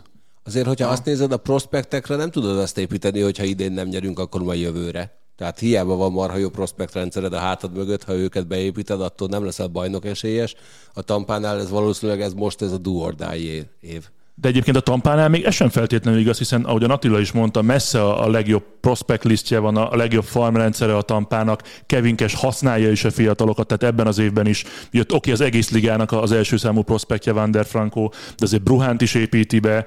Tehát... neked egy játékost, akinek idén lejár a szerződés a Tampában. Brad Phillips. Egészen pontosan. Hát meg kell kínálni egy 25 éves szerződéssel, ott kell, ott kell tartani. 47 millió dollár per év.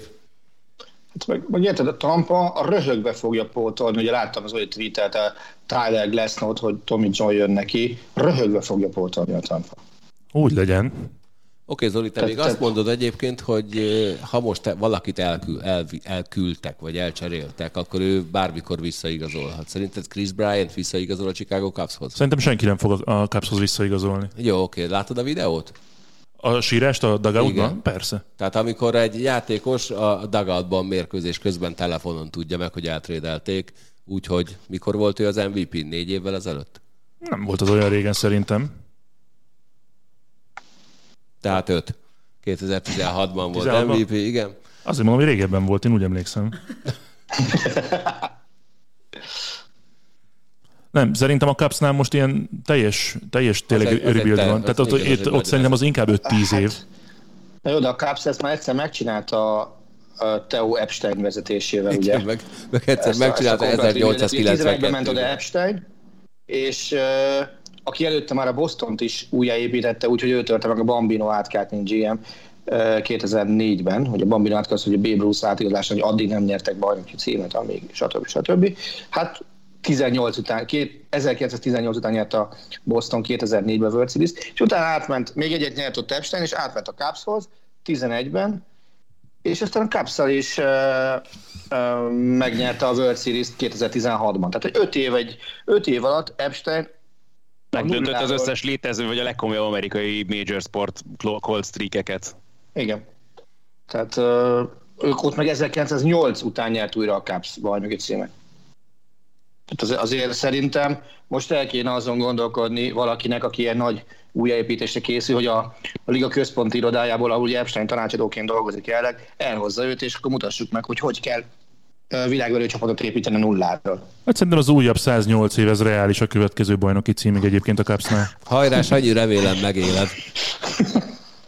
Na, én azt kérdeztem, hogy Bryant vajon visszaigazol-e a Cubshoz. Hozok egy másik példát az NHL-ből, Mark André Fleury, aki idén megnyerte a Vezinát, ami a legjobb kapusnak járó díj. Onnan tudta meg, hogy a Las Vegas Golden Knights elcserélte a Chicago Blackhawks-al, hogy a Twitteren egyszer csak feljött neki a pop-up. Az Jó, vajon... Erről abszolút a Moneyball vonatkozó jelenet ugrik be egyből, tehát mind a Brian féle sztori, mind a Flurry, tehát ez a, amikor a Jonah Hill tanulja Brad Pitt-től, hogy hogyan kell közölni valakivel azt, hogy másik csapathoz kerül. Tehát ez még ahhoz kép, vagy az még ahhez képes barátságos megoldás. Hát én nem, nem, nem, nem tudom. Nekem az a fura egyébként, hogy amikor ez a Golden Knight franchise elindult, akkor ők nagyon fontosnak érezték, hogy azt mondják, hogy ez egy ilyen családias dolog, mi nagyon szeretjük egymásnak. Ez, most, ez, a családok igen, most ez ebben a pillanatban megdőlt. Hát legalább hoki szinten legyenek családilag, hokizzanak együtt. Na, Máté, alszol. Tiszta, tiszta őrület. Az. Máté alszol. Házas társulok veled. Azt mondd el nekem, Csak légy szíves, basszus. Hogyha kik játszanak most a Lakersben? Ha LeBron, LeBron James, James, Carmelo Anthony Davis. Anthony, Carmelo Anthony nincs ott? Nem az. Portland. Jó, mindegy. Uh, Ha Michael Leb- Jordan. Nem, Oké. mi, mindjárt megy, jól mondta a Galuska, mindjárt megy ő is. Egyébként én is úgy tudom, hogy Ugye- ő ugye is megy free, mindjárt. Ugye már free agent Anthony és James vinni akarja. Tehát LeBron James, Anthony Davis és Westbrook is egy csapatban van. Akkor szerinted mi értelme van annak, hogy ebben a ligában valamit úgy hívnak, hogy salary cap? Hát ha, ha így kérdezed, akkor igazság szerint ez arra jó, hogy, hogy legyenek olyan emberek, akik lemondanak nagy fizetésről azért, hogy Le utána fognak? olcsóbban változta, választa, menjenek el bajnok esélyes csapatokhoz. Mert más értelme igen, innentől fogva nem annyira van, mert ugye in- innentől jönnek majd azok a különböző kivételi lehetőségek, ahogy, a, ahogy lehet játszani a fizetési sapkával, és nyilván a Los Angeles Lakers ezt csinálja majd innentől fogva. De De mit kell ezzel játszani? Van egy luxuskeret, ha irgalmatlan gazdag csapat vagy, akkor kifizeted a luxusadót, aztán szevasz. Nem, nem, azért, azért nem így van, mert hogyha bizonyos szinteket elérsz, tehát először mondjuk eléred a fizetési sapkát, vagy eléred az EPRONT, vagy a különböző ilyen kategóriák vannak, akkor annál kevesebb mozgástered van még, még játékosokat igazolni külön ilyen, ilyen, ilyen kedvezményes szerződésekkel. És hát ugye ez, ez a puha sapkának a lényege, és és igen, egyébként én is azt gondolom, hogy az, hogy van egy 121 millió dolláros bérkeretet három játékosra, és 112 millió a, a salary cap, az egy ilyen furán, furán hangzó történet, de, de hát ez van az NBA-ben, ez a szabály. És, és egyébként azt hozzá kell tenni, hogy a, mindig a bajnok esélyes, és á, alapesetben általában az ilyen nagy csapatoknak kedveznek a, azok, mert, mert, mert ott, ott fognak lemondani olyan játékosok, akik egyébként mondjuk egy kis csapatba többet kereshetnének, az ő kedvüket fognak lemondani valamennyi pénzért, hogy ilyen mid-level exceptionnel, meg biannual exceptionnel, meg ilyenekkel, ilyenekkel szerződtessék őket. LeBron Máté, a nyerni Miami fog? nem ilyen elven állt össze? Annak idején? Amikor ugye voltak hárman, és aztán E- e- szerezték hozzá a többieket is?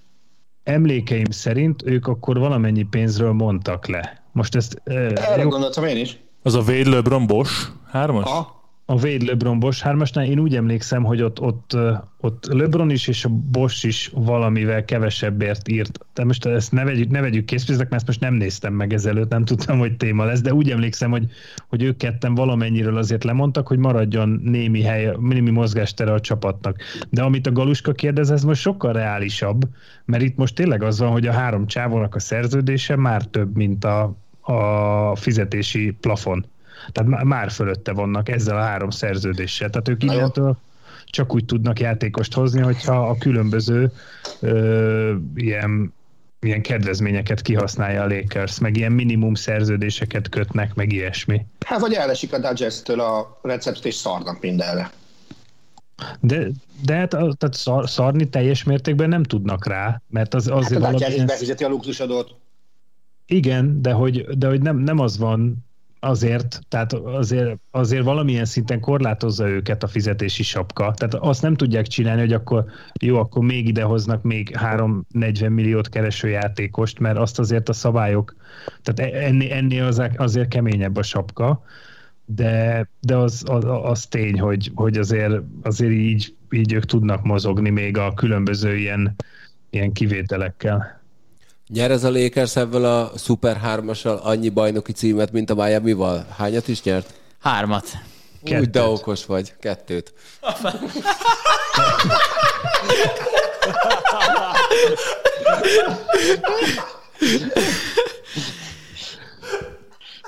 De tehát, hogy most nyere hármat, vagy nyere kettőt?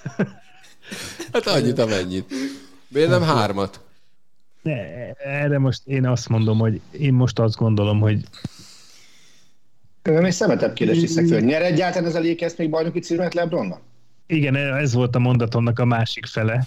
Én most azt gondolom, hogy ezzel a az igazolással nem feltétlenül a bajnoki cím irányába indult el a Lakers.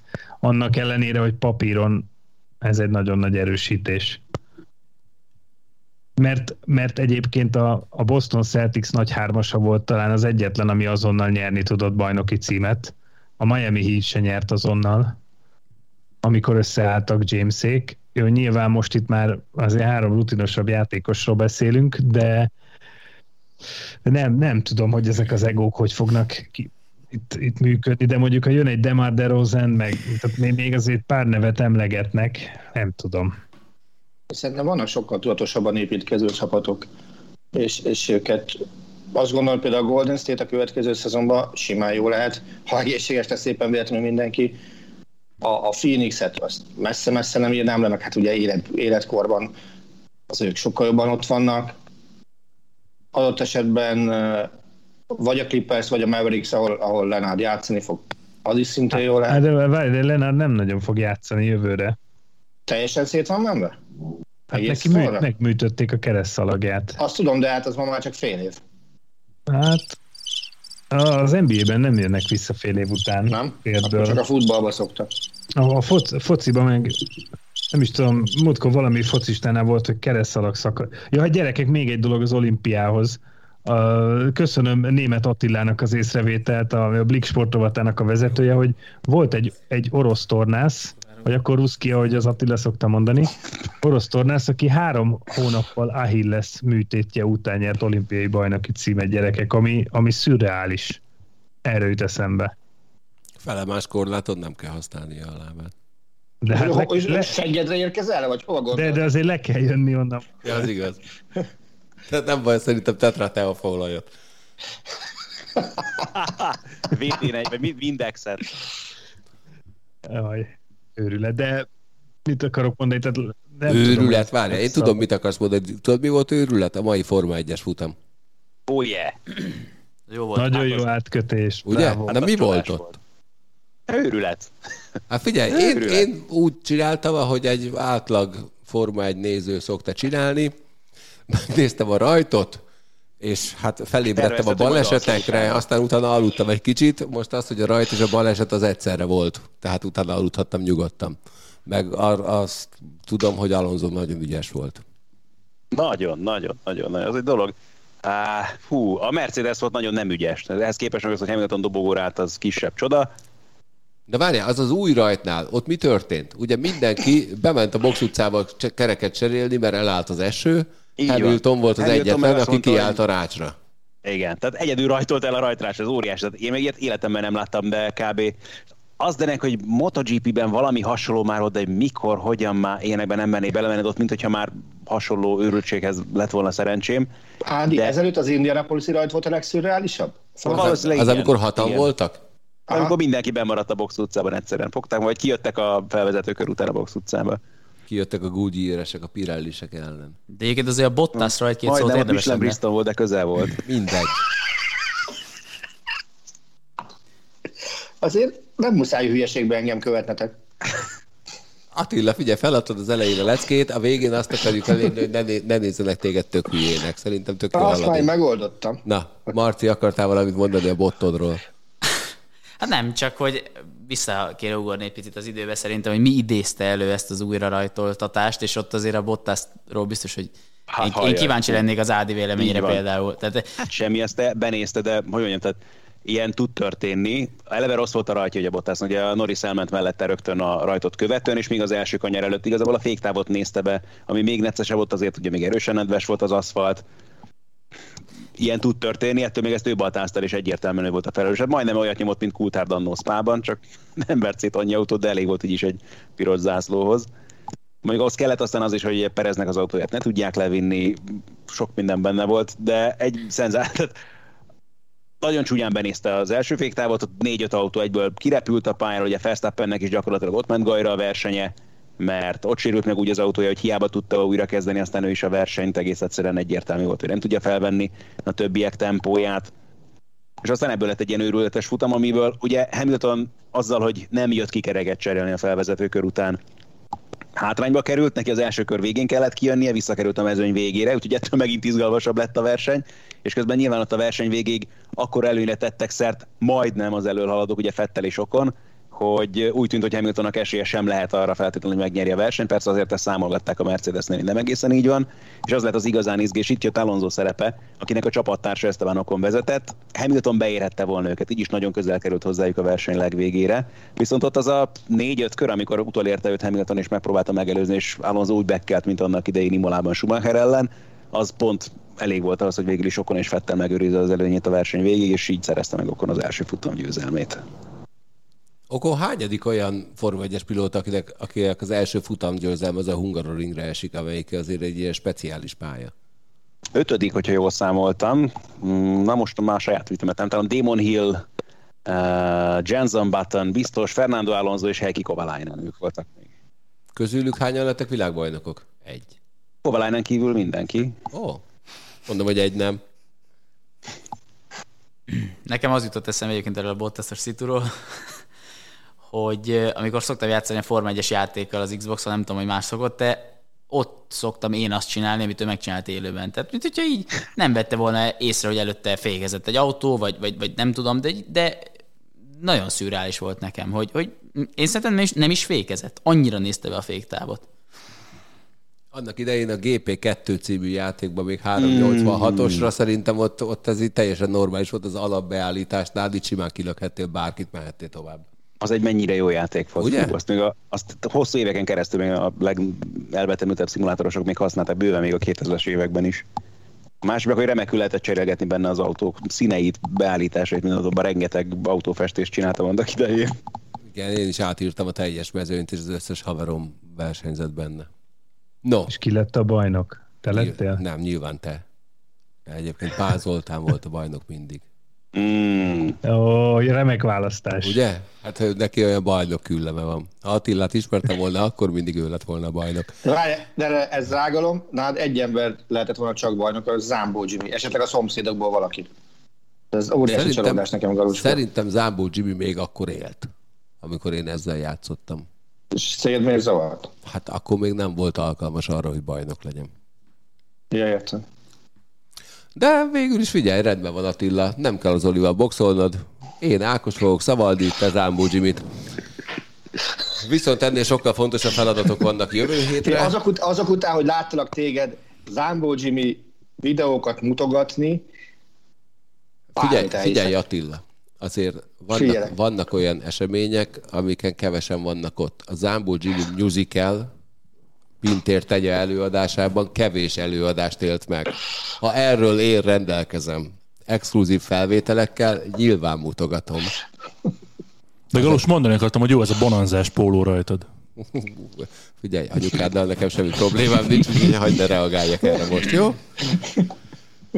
Na, házi feladat jövő hétre mindenki nézze meg a Fields of Dreams című filmet, magyar címe Baseball álmok, 1400 forintért bérelhető a YouTube-ról ezen kívül biztos vannak olyan lehetőségek, ahol ingyenesen is megtekinthető, illetve majd gyertek azzal, hogy ki az, akinek az aláírásáért sok pénzt adnátok, vagy valamit, akár a nővéreteket.